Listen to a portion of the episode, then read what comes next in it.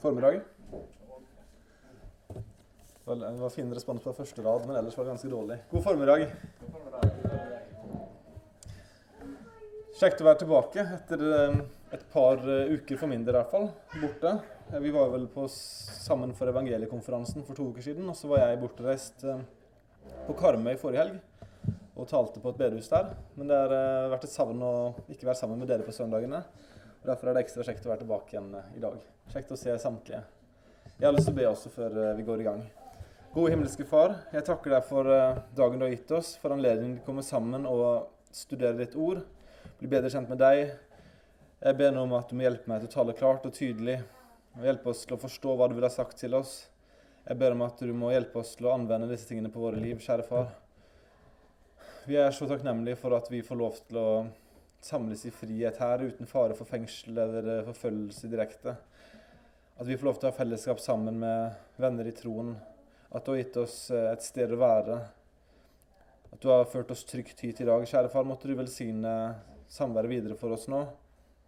Hjelp oss alle til å ha øre til øre og øyne til å se det du vil ha formidla til oss. Hjelp meg til å tale nå som jeg bør. Vi ber nå om at du må velsigne forkynnelsen av ditt ord. I Jesu navn. Amen. Vi leser eh, Titus 2, 1-10 sammen. Der står det Men du skal tale det som stemmer med den sunne lære at de eldre mennene skal være edruelige, verdige, sindige, sunne i troen, i kjærligheten og i tålmodigheten. Det samme gjelder de eldre kvinnene. De skal opptre slik det sømmer seg en hellig stand.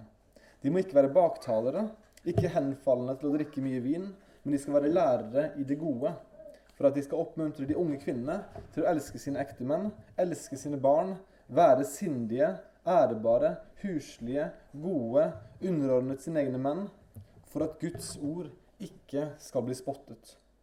På samme måte skal du formane de unge mennene til å være sindige.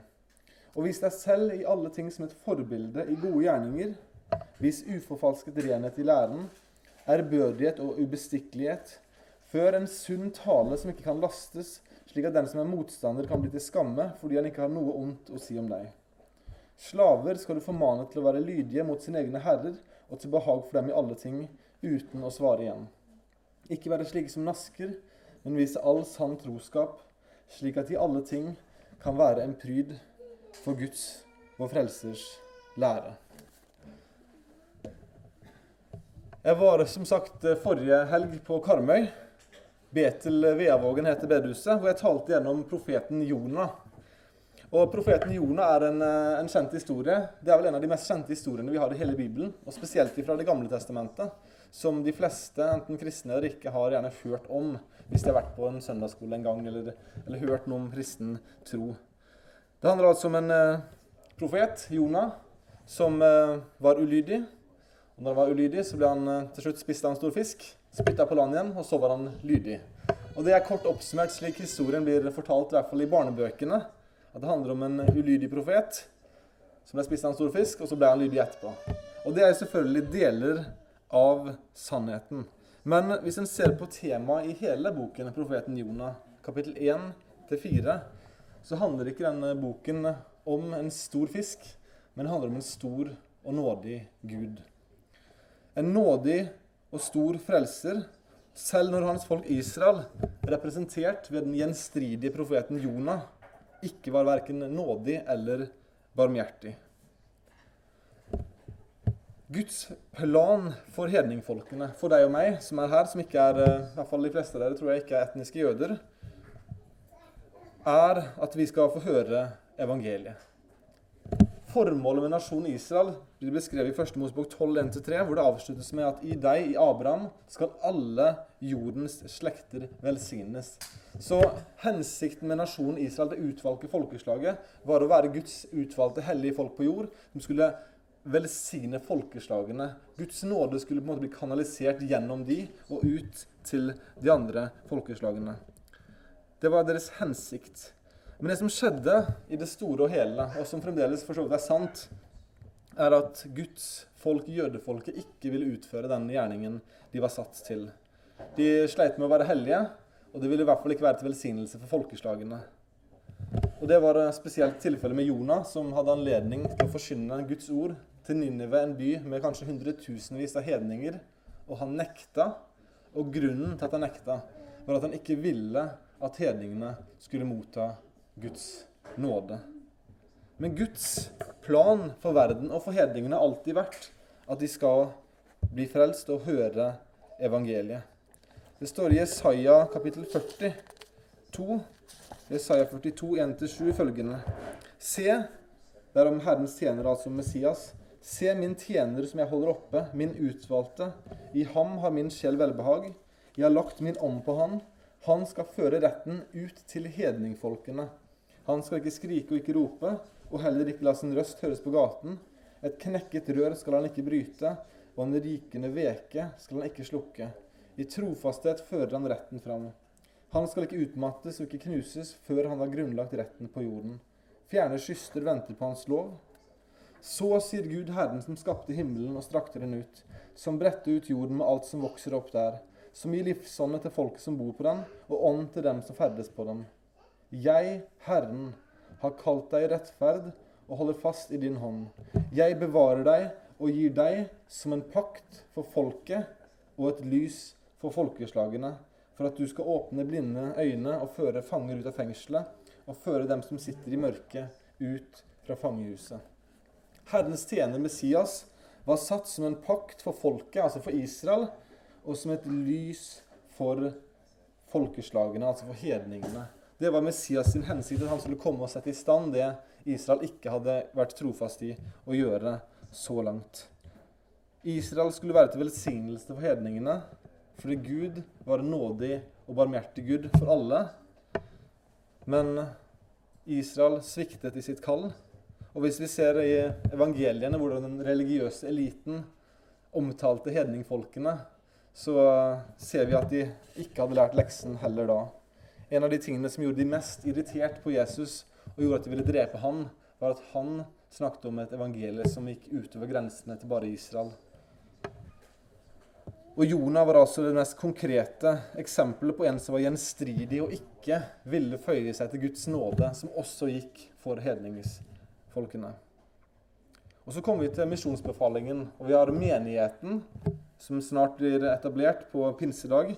Men der har vi tolv jøder og eh, en del andre etterfølgere som får befaling om å gå ut og forkynne evangeliet til hele jorden, til alle jordens land og nasjoner og gjøre den oppgaven som Israel ikke hadde vært trofast i å, å demonstrere og vitne ut.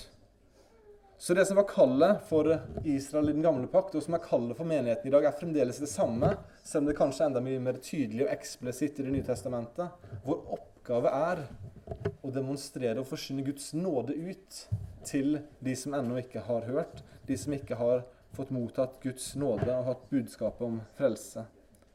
Gud er i sin natur en frelsende Gud. Og Jeg tror jeg nevnte kanskje den første gangen vi var i Titus brev, at dette brevet her ikke utelukkende handler om menighetsstruktur. Vi har brukt mye tid på å snakke om kvalifikasjoner for eldste, og hvordan det gjelder alle som vil være ulastelige kristne.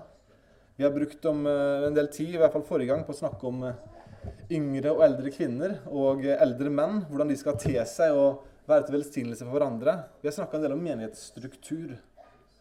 Men det er ikke det som er hovedpoenget, selv om det er viktig. Hovedpoenget er at vi skal være ulastelige kristne, ulastelige kvinner og menn, er at vi skal kunne gjøre vår oppgave, vår misjon, på en effektiv måte. At vi skal utføre misjonsbefalingen gjennom menigheten. Frelse er et underliggende og kanskje gjennomsyrende tema i hele Titus brev. Gud Faderen, Jesus Kristus, blir kalt vår frelser tre ganger i brevet hver. Og i dag, i Titus 2, så er vi igjen konkret og skal snakke om yngre menn og arbeidstakere eller slaver. Så det er konkret og praktisk hvordan vi skal leve.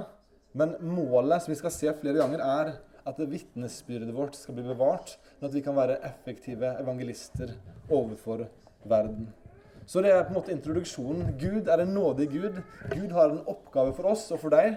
Være med å vinne mennesker for Kristus. Det er oppgaven i misjonsbefalingen. Og menigheten, den vi er en del av, og de rollene vi har her, og for øvrig i, i verden som arbeidstakere, mange av oss, den skal være med å bygge opp om denne misjonsbefalingen. Ok? Så det er på en måte det big picture, det vi skal inn på nå. Først skal vi se hvordan unge menn skal være. Lærdommer for unge menn. Det står i vers 6. På samme måte Altså på samme måte som han allerede har formant de eldre menn og de eldre og yngre kvinner, skal du formane de unge mennene til å være sindige. Og Vi har allerede sagt uh, flere ganger at det å være sindig er uh, til kontrast til å være syndig. Det, det, å være sindig, det er viktig å nyansere der. Det å være sindig er en gjennomgående kvalitet som Paulus minner både eldste om at de skal være, og de forskjellige generasjonene med kvinner og menn å være sindig.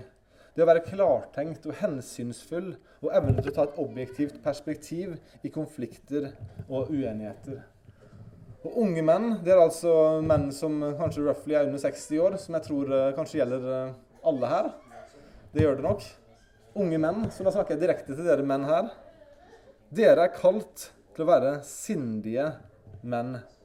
Objektive i deres vurderinger og handlemåter klartenkte, hensynsfulle. Og jeg tror at vi som forsamling, hvis vi klarer å være sindige, så klarer vi å unngå mange av de konflikter som oppstår i kristne familier og kristne forsamlinger som er. Hvis vi evner å ta et steg tilbake og gjøre våre vurderinger basert på objektive fakta og basert på bibelsk visdom, så klarer vi å unngå mange av de fallgruvene som både kristne forsamlinger går i, og som kristne familier går i.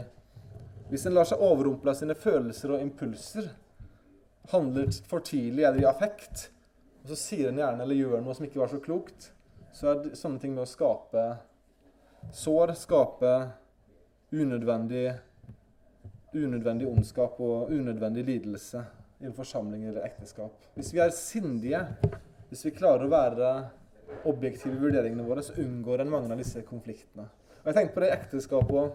I de fleste tilfeller hvor vi har diskusjoner i vår familie, så handler det som regel om at enten jeg eller Henriette, eller ofte begge, ikke ser objektivt på situasjonen i øyeblikket. Vi har på en måte bestemt oss for at begge har rett.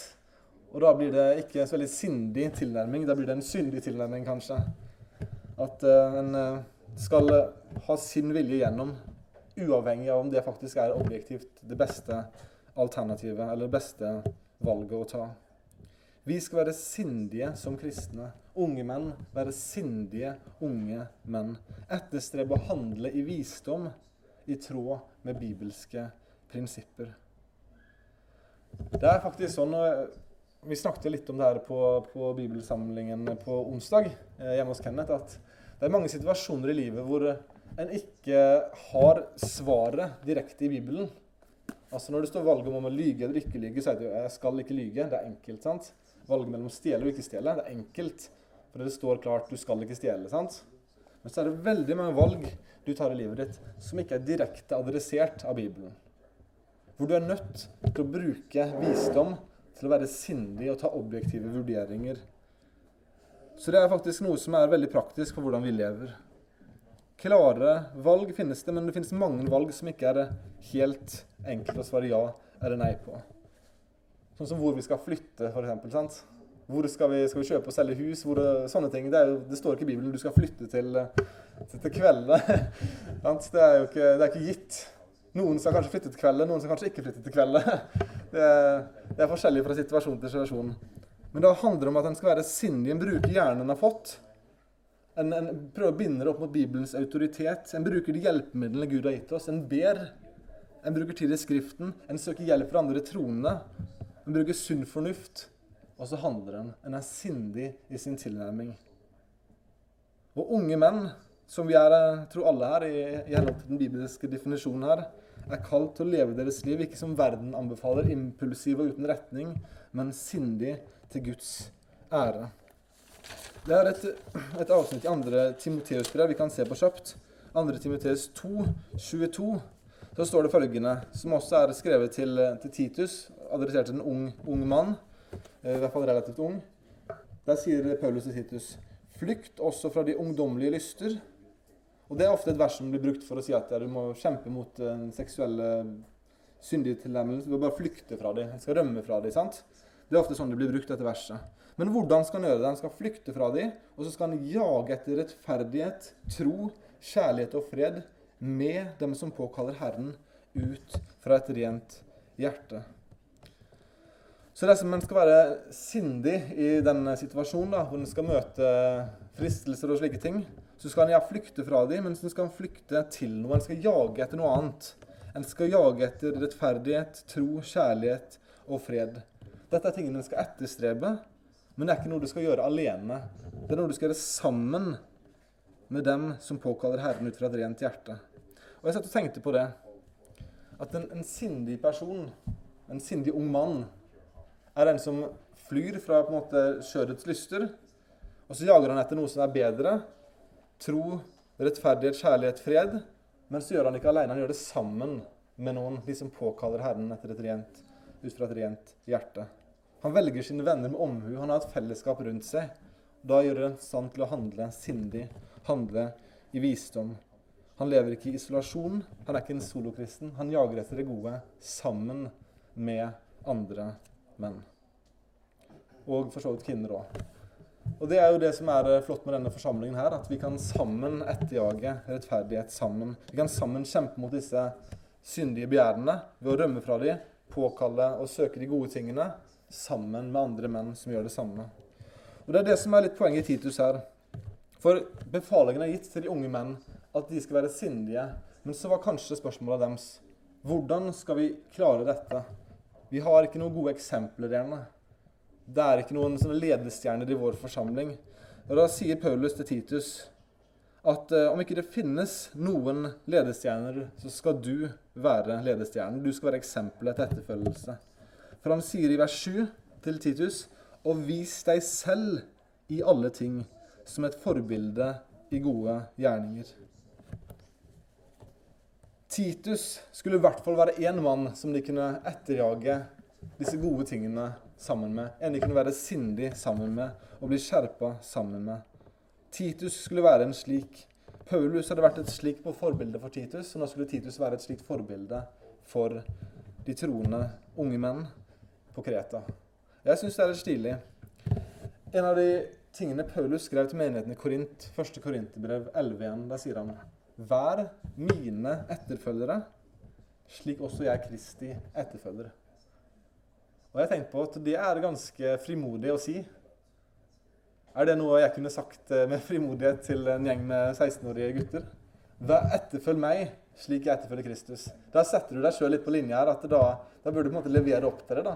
Men det sier Paulus, han sier det der. Han sier det i, i Filipperne 3,17. 17. Søsken, vær mine etterfølgere, og legg merke til dem som vandrer slik, ettersom dere har oss som forbilde. Så den bibelske modellen er at en faktisk skal bruke konkrete eksempler hvis en har de, og håper at en har de, til å etterfølge, så en kan se hvordan en kan være og leve gudfryktige liv. En trenger ledestjerner. Selvfølgelig er det Guds ord som er på en måte en grunnstein her. Guds ord gitt oss i Bibelen. Evangeliene lærer oss det vi trenger å vite om Jesus, hvordan Jesus levde. og Vi må studere han. Men hvis vi kan også ha noen konkrete eksempler i vår tid som eksemplifiserer Kristi etterfølgelse på en god måte, så blir vi rikt velsigna. Og det var det Titus skulle være for de på Kreta.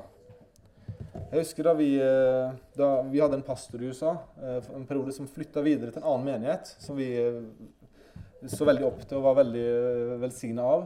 Og jeg husker En av de tingene jeg skrev ut som, av, sånn kort til han når de forlot, forlot forsamlingen, var at Og det mente jeg oppriktig òg. Da sa jeg at takk for at vi fikk være etterfølgere av deg, slik du er en etterfølger av Kristus.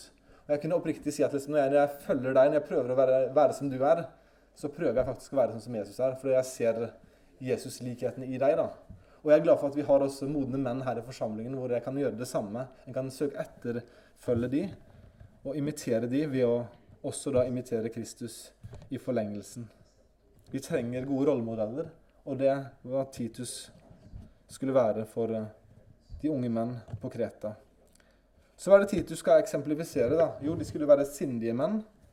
Men så sier han i alle ting som et forbilde i gode gjerninger. Gode gjerninger er ikke så veldig konkret. Hva er gode gjerninger? Men det er en, en samlepott. sant? Det er, det er, mange ting som er gode gjerninger. Gjerninger som er prisverdige, ærbare, gode, noble. Vi snakker ofte om at kristendommen ikke er en sånn gjerningsreligion, som til en viss grad er sant. Vår frelse er ikke basert på gjerninger som vi har gjort eller kommer til å gjøre. Vår frelse er basert på Kristi gjerninger. Men kristendommen er også i høyeste grad en religion som har fokus på gode gjerninger i forlengelsen av frelsen. Og her blir Titus formant å være et forbilde for de unge menn i gode gjerninger. Og Hvis vi hopper litt videre til det vi skal se på neste gang, i vers 14, så sier, sier Paulus følgende om, om Gud. Han som ga seg selv for oss, for at han skulle kjøpe oss fri fra all urettferdighet og rense for seg selv et eiendomsfolk som har iver etter å gjøre gode gjerninger. Så på en måte en av hensiktene med at vi ble frelst, var at vi med iver skulle etterstrebe å gjøre gode gjerninger. Og Vi ser det i Titus 3,8 òg.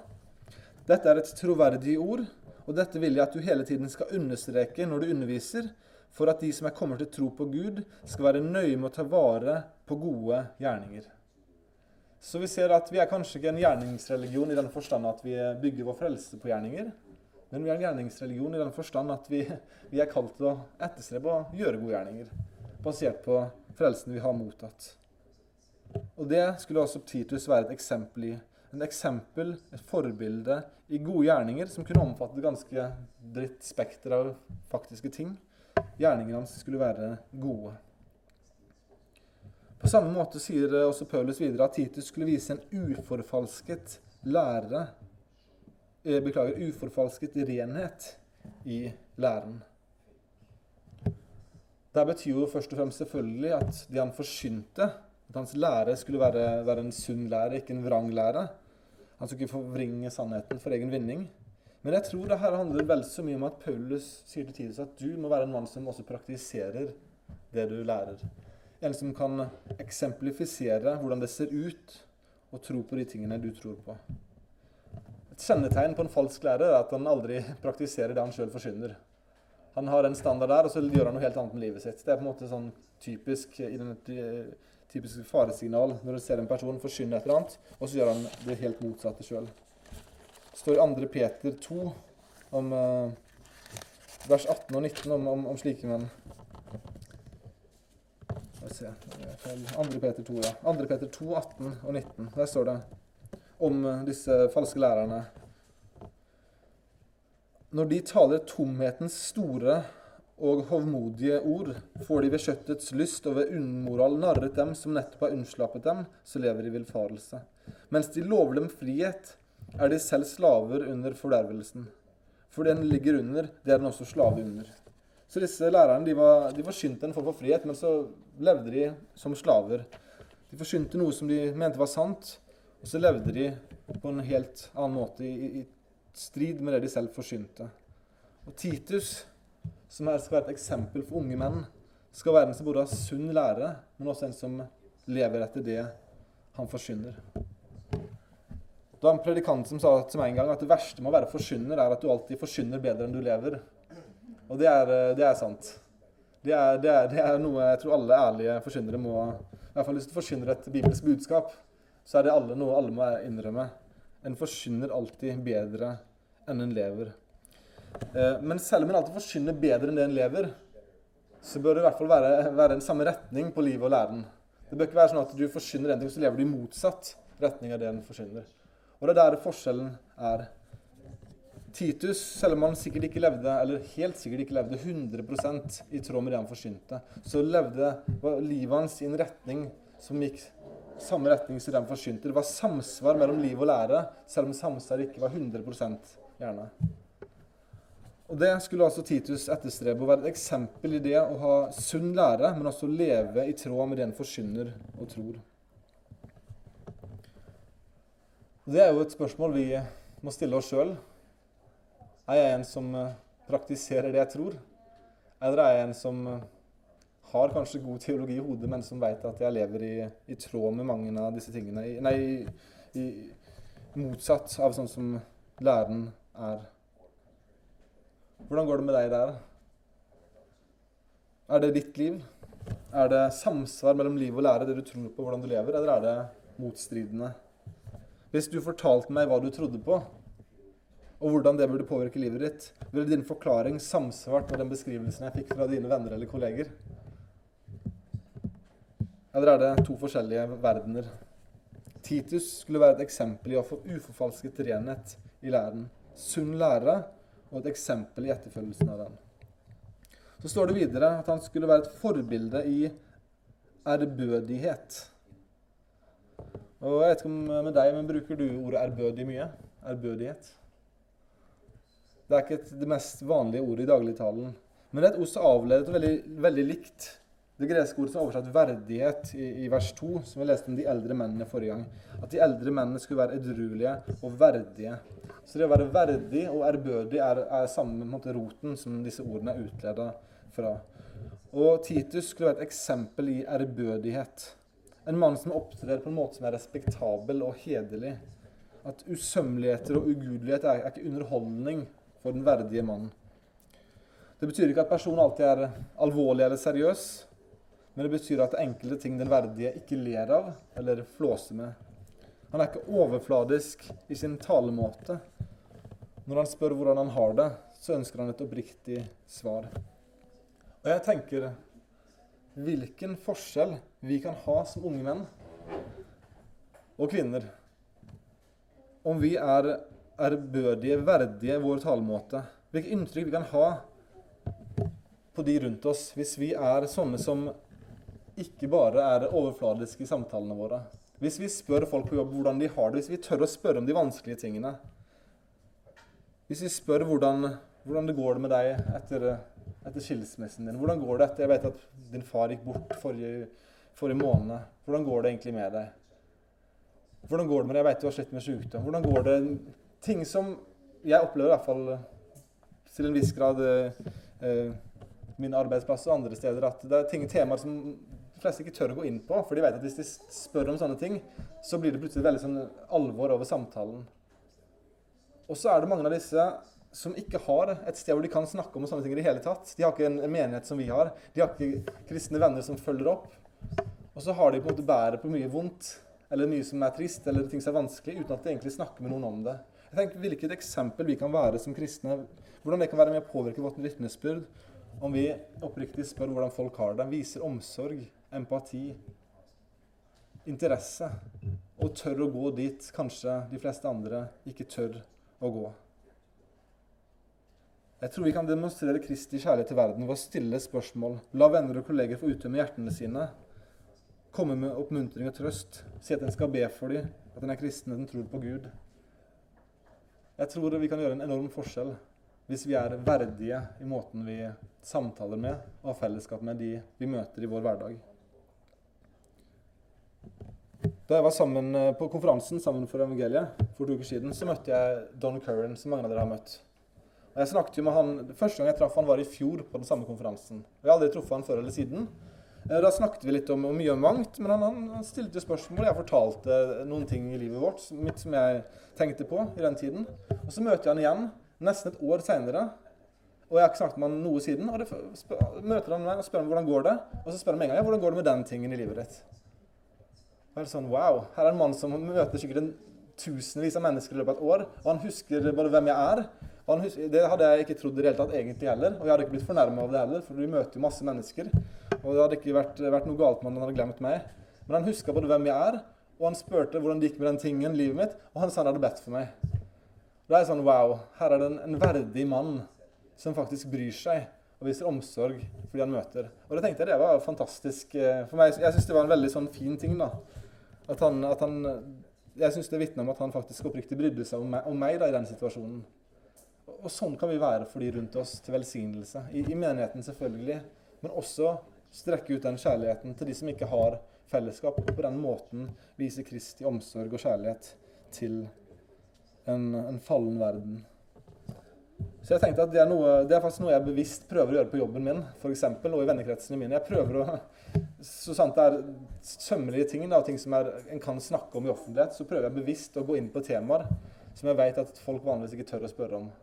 Eh, og Det er noe jeg utfordrer meg sjøl på og prøver å gjøre bevisst, fordi jeg tror det er noe som, at det ligger noe der som folk har lyst til å snakke om, og kan på den måten være med å og, og forhåpentligvis vise Kristi kjærlighet gjennom den måten.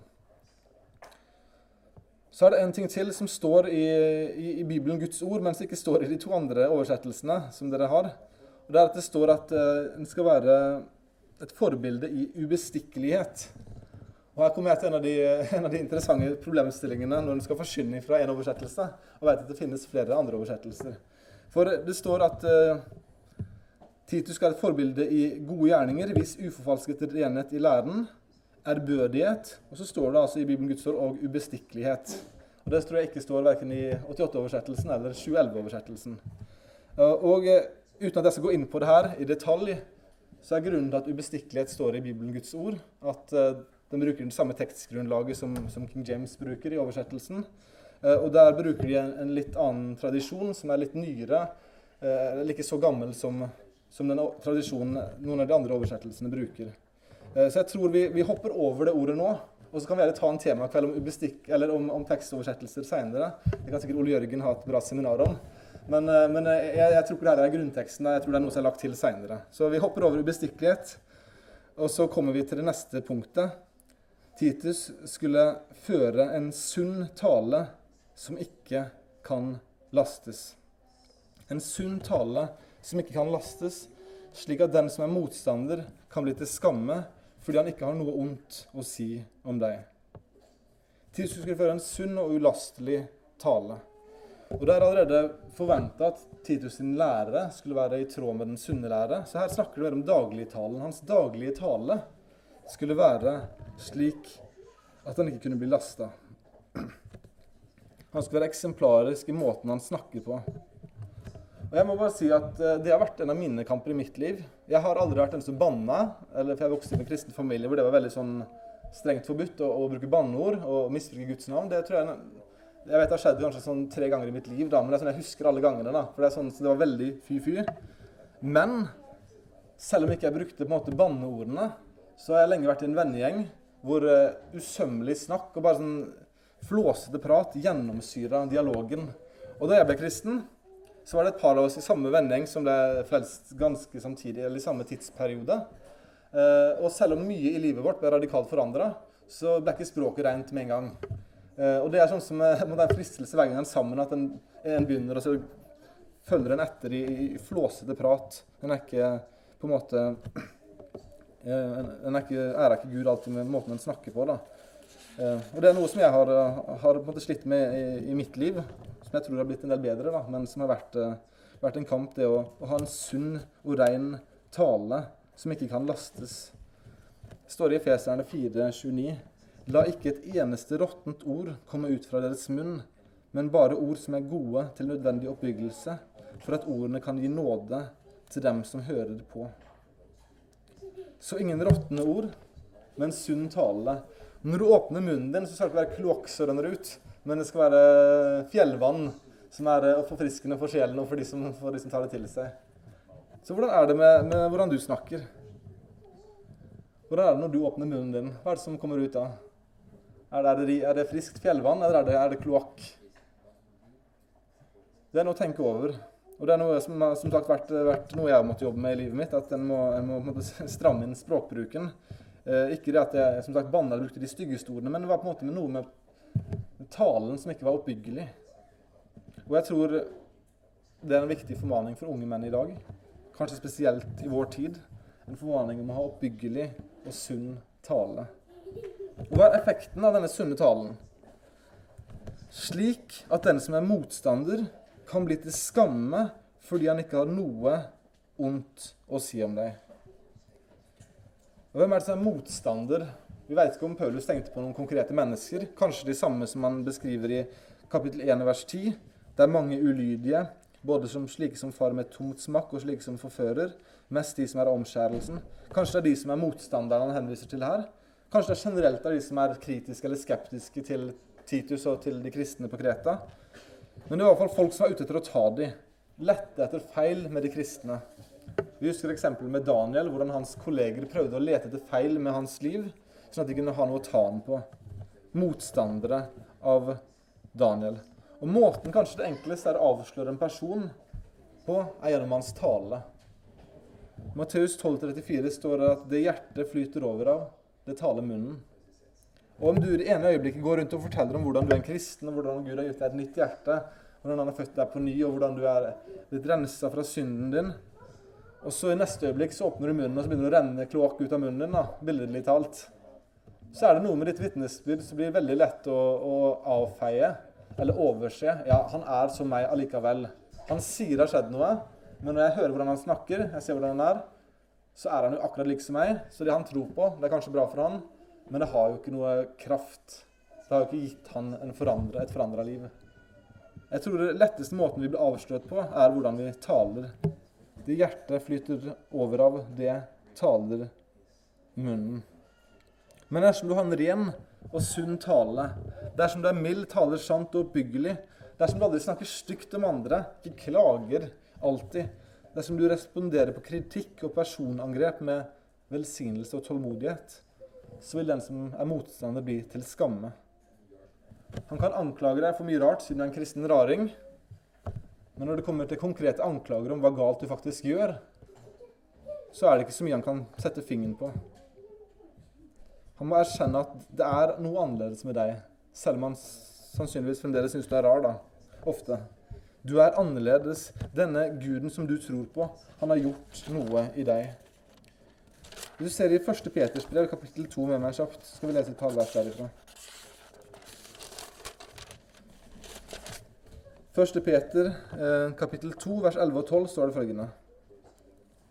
Dere elskere, jeg formaner dere som fremmede og utlendinger til å avstå fra de kjølige lyster som fører krig mot sjelen. La deres ferd blant hedningene være god, for at de, når de baktaler dere slik som gjør ondt, når de baktaler dere som slik som gjør ondt, ut fra de gode gjerningene de får se, kan prise Gud på besøkelsens dag. Så tanken er at Hvis deres ferd blant hedningene er god, altså blant de ikke-troende, hvis deres tale er rein blant de, så kan han tilbaketale dere for en stund. Men så tror jeg indikasjonen er at, Peter sier at disse menneskene, noen av dem kommer faktisk til å bli omvendt og tro på den samme guden som deg i forlengelsen av dette. Sånn at de kan prise Gud på besøkelsens dag. Så effekten av et gudfryktig vitnesbyrd er at vitnesbyrdet blir troverdig, og at det kanskje på sikt noen av disse blir frelst og kan prise Gud sammen med deg til slutt. Hvis vi tar et steg tilbake, da, så er altså vår oppgave som disipler å være Jesu etterfølgere, menneskefiskere. Misjonsbefalingen var gitt som oppdrag for menigheten å, å fiske mennesker. og være med å utbre evangeliet for folkeslagene. Og da er det altså disse tingene med å bygge opp om ens vitnesbyrd, sånn at det påvirker de som er motstandere, de som er på utsiden. De ser noe med deg. Det er noe annerledes med deg. Det er hensynet til de som er med og gir oss motivasjon til å leve rent for Gud. Det er en av hensiktene. Hvordan går det med, med dere, da, menn? Er dere sindige? Forbilder i gode gjerninger? Har dere uforfalsket renhet i læren? Ærbødighet? Har dere tale som ikke kan lastes? Dette er kallet for oss i tråd med misjonsbefalingen. Å være evangelister i Kristi tjeneste, Jesu disipler, gjennom å ha liv som er verdige liv som reflekterer Kristi person. Og det er det første temaet. Menn, ulastelige menn, unge, ulastelige menn, som skal være vitner for verden. Og så skal vi nå se på, og jeg skal ikke bruke like lang tid på det, en annen gruppe mennesker som blir adressert her. Og det er slaver. Men vi kan eh, tror jeg, forlenge det til arbeidstaker i dag. Ok? Så vi leser vers 9 og 10 sammen. Slaver skal du formane til å være lydige mot sine egne herrer, og til behag for dem i alle ting. Uten å svare igjen. Ikke være slik som nasker, men vise all sann troskap, slik at i alle ting kan være en pryd for Guds, vår Frelsers, lære. Titusbrev og hele Nytestamentet er jo skrevet under en tid hvor slaveriet var veldig utbredt. Det var veldig vanlig at en husholdning hadde en del slaver.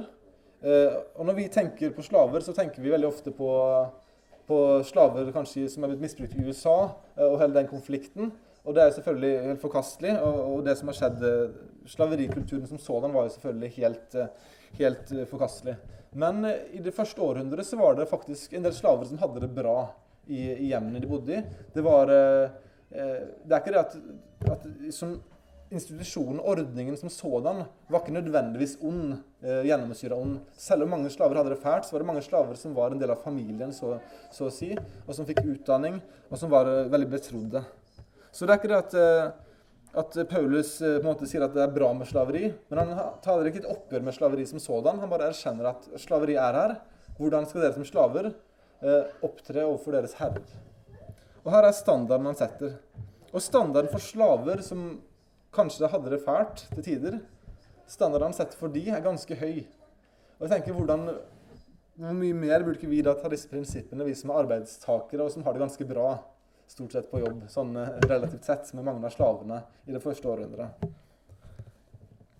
Her har vi altså en høy standard for kristne slaver, og i forlengningen en veldig høy standard for oss som kristne arbeidstakere. Og Da skal vi se til avslutningen av fem holdninger kristne arbeidstakere burde ha. Og så skal vi se konsekvensen av disse fem holdningene.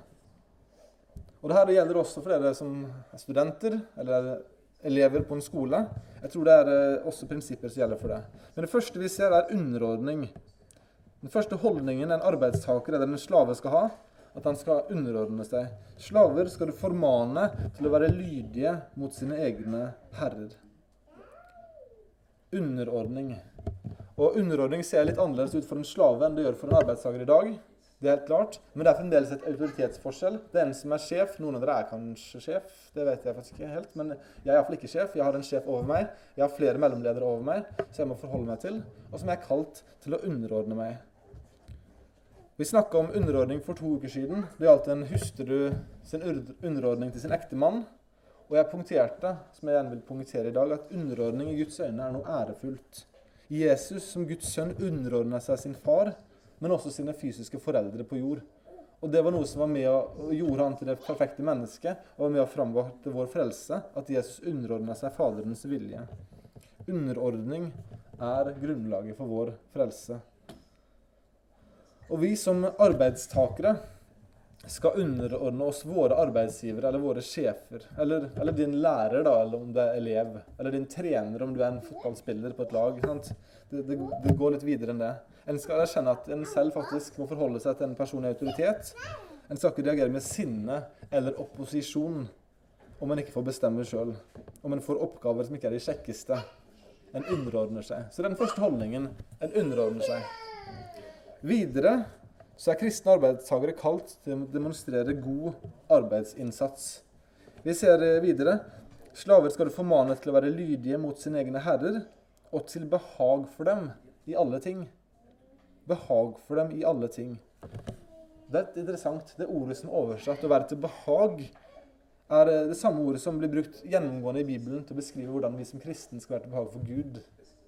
At, at, en av motivasjonene våre for, for å leve kristne liv er at vi skal være til behag for Han som er frelst og Han som er skapt og Han som elsker oss.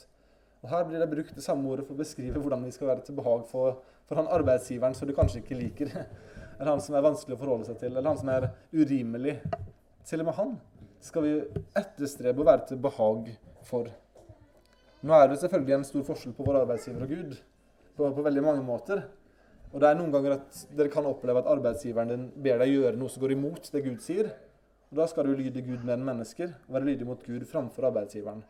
Men ofte er det jo ikke slik. Ofte er det jo ikke noe direkte motsetning med det arbeidsgiveren din sier, og det Gud har sagt. Og da skal vi vise god arbeidsinnsats, ønske å være til behag for arbeidsgiveren vår. Mestre yrkene våre på en god måte. Jeg tror kanskje, da Det her er ingen håndfaste bevis på. Det er bare spekulasjoner. Men jeg tror kanskje at vår generasjon, eller la oss si min generasjon, da, eh, sannsynligvis er en av de lateste generasjonene som eh, vi har hatt i Norge noen gang. Sannsynligvis. Og jeg sier, det, jeg, jeg sier litt pga. velferden vi har, og på grunn av at før i gamle dager så var det jo litt sånn eh, nei, jobbet du ikke, så spiste du ikke. Det var på en måte bare sånn, sånn livet var. sant? Iallfall i så mye større grad. Vi har det veldig bra i, i Norge stort sett. Og jeg tror luksusen vår har prega arbeidsmoralen vår i hvert fall i, til en viss grad i negativ retning. Vi som kristne burde være motstykket til det der. Jeg har tenkt på om en er elektriker, eller om en vasker gulv, eller lager mat, eller hogger stein, eller er vekter, eller sykepleier eller lærer eller ingeniør eller revisor eller hva enn en driver med, så er en faktisk kalt til å legge ned en god innsats i jobben. Prøve å mestre yrket sitt så langt det er mulig, eh, og så langt en, en evner sjøl. Og, gjøre det ikke til syvende og sist for, en, for ens arbeidsgiver, selv om han tjener godt av det, men gjøre det for Gud. Og jeg tror Hvis vi har den innstillingen på jobben vår jeg tror at, jeg til å, at det preger hvordan jeg jobber For det er ikke alltid like motiverende å jobbe for han mellomlederen, selv om jeg skal underordne meg han nå. Men jeg tenker at det her er faktisk noe jeg kan gjøre til Guds ære. Jeg kan legge ned god innsats, og det kan være med å ære Gud. Så det er det første vi så, var eh, underordning. Så er det god arbeidsinnsats. Og så er det et tredje punkt respektfull. For det står her Slaver skal du formane til å være lydige mot sine egne herrer, og til behag for dem i alle ting. Og så er det uten å svare igjen. Og Da er jeg selvfølgelig tilbake i barndommen med en gang. For jeg hadde en periode på barneskolen, eh, dessverre en ganske lang periode, hvor jeg tøffa meg for medelevene mine ved alltid svare igjen til læreren når jeg fikk beskjed om å gjøre noe. Svarte jeg alltid. Og det er utrolig irriterende. Det vet jeg sjøl som noe nå autoritetsperson over noen barn. At når en svarer igjen istedenfor å på en måte bare, bare føye seg, så er det irriterende. Og det var nok eh, det stakkars par vikarer vi hadde som eh, sleit litt med meg. For jeg var en som svarte igjen. Det var en uvane jeg hadde. Og det er på en måte noe jeg altså jobber med mine barn på, da, som kanskje mer eller mindre er suksessfull så langt, men som en jobbes med. At en ønsker at en skal svare respektfullt. Når hun sier noe, så får du kanskje svare ja, pappa, eller eh, mamma, eller, eller, noe sånt. At en anerkjenner at beskjeden er mottatt, og på en måte at den kommer fra en autoritet. At en ikke alltid får den derre 'Hvorfor det?' Eller ah, hvorfor, 'Kan ikke noen andre gjøre det?' Eh, kan ikke du gjøre det? Det er, så, og det er sånne ting som barn sier, for de har ikke filtrene der. Men som voksne ofte tenker at når de får en jobb, så tenker de åh, kan ikke noen andre gjøre det? Må jeg gjøre det? Det er ti andre som kan gjøre det istedenfor meg, og så spør du meg. Altså, det er sånne, sånne, ting som vi tenker som voksne, kanskje, men som barn bare sier. Barn er litt ærligere gjerne enn oss. Barn er kanskje mer åpenlyst respektfulle. Men voksne arbeidstakere er gjerne like respektløse, bare at de sier ikke det verbalt. Så formaningen er gitt. Ikke vær sånn som svarer igjen. Vis respekt, anerkjenn autoriteten og ta imot oppgavene med en god holdning. Det er ikke alltid lett, men det er kallet. Så underordning, god innsats, respektfull. Og så ser vi ærlig. Ikke være slike som nasker. For slaver så gjaldt det å ikke stjele. De hadde muligheter til å kunne ta fra, fra herrens eh, eiendom. Eh, ta noe som tilhørte slaveherden. De hadde gode muligheter til å ta til seg det og lure unna ting. Kanskje selge det og tjene penger sjøl, eller, eller, bare spise ting de ikke skulle spise, osv. Slavene skulle være ærlige til å stole på, ikke tyver. Og nå vet jeg ikke om sånn direkte tyveri er så aktuelt for oss, men jeg vet iallfall for meg, så, og i min jobb som en kontorjobb, så er jo det å stjele tid veldig enkelt. Og veldig fristende. Ta lengre pauser enn de har fått tildelt. Sitte på, på internett, på Facebooken eller på på nyhetssidene når vi gir inntrykk av å jobbe. En sitter og ser veldig opptatt ut på PC-en, og så er det, er det sånn eh, blå Facebook-fane øverst. Sant? Det, er, er ikke, eh, ikke, ikke noe jeg gjør til vanlig, altså, men det er en fristelse. sant? Eh, vi kan si vi er syke når vi ikke er det. Det er masse mulighet til å stjele tid fra arbeidsgiver hvis, hvis vi ønsker det. I hvert fall for min, for min arbeidshverdag så er det veldig enkelt å stjele tid hvis jeg ønsker det. Og for noen andres hverdag er det kanskje enklere å ta ting eller ta til seg jobbe på et lager og snurre til seg noe, eller noe sånt. Jeg, jeg, vet ikke. Det er en drøss av muligheter. Og spørsmålet er er du ærlig med din arbeidsgiver. Respekterer du hva som er hans, og hva som er ditt? Gjør du den jobben du skal for de pengene du får? En uh, ulastelig arbeidstaker er uh, ikke en som stjeler, han er ærlig med sin arbeidsgiver. Og det siste vi ser, er at han skal være trofast. Slaver skal du formane til å være lydige mot sine egne herrer og til behag for dem i alle ting, uten å svare igjen. Ikke være slik som nasker, men vise all sann troskap. All sann troskap. Jobbe lojalt i tråd med firmaets retningslinjer. på en måte. Det er, det er ganske konkret for mange av oss. En respekterer firmaets merkenavn og rykte. En forholder seg til de policyene som er lagt ned. En snakker vel om arbeidsplassen sin, langt, eh, og hvis en ikke kan ha noe vel å si, så sier en kanskje ikke så mye. Da, da tier han heller. En respekterer innholdet i arbeidskontrakten. Dette er veldig praktisk. En er trofast og lojal mot arbeidsgiveren sin. Og så ser vi hva er resultatet av dette. Hvorfor skal vi ha disse holdningene? Slik at de i alle ting kan være en pryd for Guds, vår frelsers, lære. Ordet oversatt 'pryd' her er utledet fra det ordet 'kosmeo', som er en av som Kosmetikk er derivert fra. sant? Kosmetikk vet dere hva er for noe. Jeg vet ikke så veldig godt hva det er for noe, men jeg vet hva det, det, det, det fins. Sminke det er jo et kosmetisk produkt. sant? Det er for at vi skal Hvis vi tar det og oversetter det med litt mer sånn folkelig språk, da, så skal ikke vi være slik som nasken, men vise all sann troskap, slik at i alle ting kan være, kan være en sminke for Guds og frelses lære. Og da må jeg bare si med en gang, Det er ikke det at Gud trenger sminke. Det er ikke det at han ikke er vakker og, og fantastisk som han er. Men det er det at måten hans lære blir kanskje forstått på, eller blir mottatt på av verden, det er ikke alltid så, så vakkert hvordan de, de, oppfatter det eller tar imot det budskapet som kommer fra Guds ord. Og når vi er ulastelige arbeidstakere, eller ulastelige kristne, så er vi med på å sminke eller eh, gjøre det vi sier, vakrere. da. Gir det mening? Da ser det på en måte, det er litt mer fristende å høre på det en sier. Det, det tiltrekker litt mer. Ordet er blitt litt mer kosmetisk vakkert, eller oppfatta litt mer vakrere. Og Det er altså litt av poenget her. Og vi, og vi ser nå da at, at Titus 1-10 er veldig praktisk i hvordan vi som mennesker har holdninger, hvordan vi skal oppføre oss, hvordan vi skal være som arbeidstakere osv. Det er praktiske eksempler for unge menn, eldre menn, unge kvinner, eldre kvinner. Hvordan familier skal forholde seg til hverandre. Hvordan vi skal forholde oss til arbeidsgiveren vår. Men vi ser tre plasser i dette avsnittet så ser vi at det er strategisk satt inn at hensynet til de som ser på oss, observerer oss, faktisk ligger til grunn. I vers 5 så leste vi for to uker siden tre uker siden er det kanskje, at de unge kvinnene skulle være sindige, ærbare, huslige, gode, underordnet sine egne menn. Og så står det 'for at Guds ord ikke blir spottet'. Okay, så det her, er motivasjonen. Det, grunnen til at ikke vi skal gjøre det, er at Guds ord ikke skal bli spottet. Og det er selvfølgelig av de som er utenfor, av de som ikke tror. Ok? Hensynet til de utenfor. Og så leste vi i dag vi skal føre en sunn tale som ikke kan lastes, slik at den som er motstander, kan bli til skamme fordi han ikke har noe ondt å si om det. Så disse er motstandere. Det er måten de forstår oss på, oppfatter oss på, som er igjen grunnen til at de skal gjøre det. Og så ser vi nå til slutt slik at de, igjen de som er utenfor, i alle ting, og arbeidsgivere òg, i alle ting kan være en pryd for Guds, vår frelses lære. Altså de, Slavene skal være en pryd for Guds, vår frelses lære til arbeidsgivere og til de utenfor. Så vi ser tre plasser at vi som mennesker, som kristne, hvis vi tar det sin på alvor, gjør det for at vi har det bedre sjøl, vi har det bedre i menighet og familie om vi tar disse prinsippene alvorlig, men også fordi det underbygger vitnesbyrdet vårt for verden. Så det her er praktisk, det her er konkret for hvordan vi lever, ja. Men intensjonen er at vi skal være effektive vitner, effektive evangelister.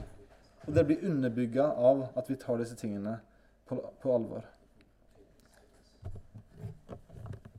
Gå derfor ut og gjør alle folkeslag til mine disipler, idet dere døper dem i Faderens og Sønnens og Den hellige ånds navn, og lærer dem alt jeg har befalt dere. Det her, Hvis vi tar disse prinsippene på alvor, så er det med og hjelper oss til å mer effektivt utføre misjonsbefalingen så er det at vi må også komme med et evangelie. Det må bli presentert noe mer enn men våre liv.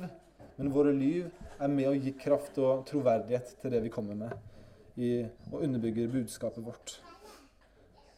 Og jeg tror det, at bønnen min og vår for dette er at Gud må bruke oss der vi er. Måtte våre vitnesbyrd bli forsterka, ikke undergravd, av livene vi lever måtte vi være menn og kvinner, unge og eldre, på jobb og hjemme, som er med og, og gjenspeiler litt av Guds karakter. men at det, det, budskapet vi kommer med, faktisk frister. At det er noe som appellerer. At det er noe som kan være med og vinne mennesker for Kristus. Og Det står i neste vers, og la det avslutningen. For Guds frelsende nåde til alle mennesker er åpenbart. Gud er den frelser i natur. Han ønsker at mer og flere skal møte Jesus og vi kan være med og bære fram det oppdraget ved å leve ulastelig liv som kvinner og menn. La oss be sammen. Gode far, jeg takker deg for uh, igjen at du setter fokus på praktiske ting i våre liv. Hvordan vi kan forholde oss som, som menn, uh, som arbeidstakere. Og hvordan du adresserte både kvinner og eldre og yngre i forrige avsnitt vi så på, kjære far. Og så ser vi at du er en eh, nådig og frelsende Gud. At du ønsker at vi skal ha det godt sammen der vi er, godt i menigheten. Men så ønsker du også at vi som menighet skal være effektive i å være et vitne for deg i verden. Nå ber jeg om at du må røre ved hver enkelt hjerte her, og du ser hva den enkelte har og må jobbe med. Og så ser du også at det er utfordring for oss å være trofaste i, i misjonsbefalingen og utføre den der vi er. Måtte du hjelpe oss å være frimodige og troverdige. Måtte du skape muligheter allerede i uken som kommer, kanskje i dag, kanskje i morgen, de neste dagene, hvor vi kan få anledning til å komme i situasjoner hvor vi kan vitne. Måtte du hjelpe oss å være trofaste. Måtte du hjelpe oss til å nå ut til flere. Måtte du frelse noen allerede denne uken, ved vi om. Jeg takker deg for din godhet mot oss, takker deg for ditt ord. og takker deg for fellesskapet her. Måtte du velsigne dagen for oss videre. Vi ber i Jesu navn.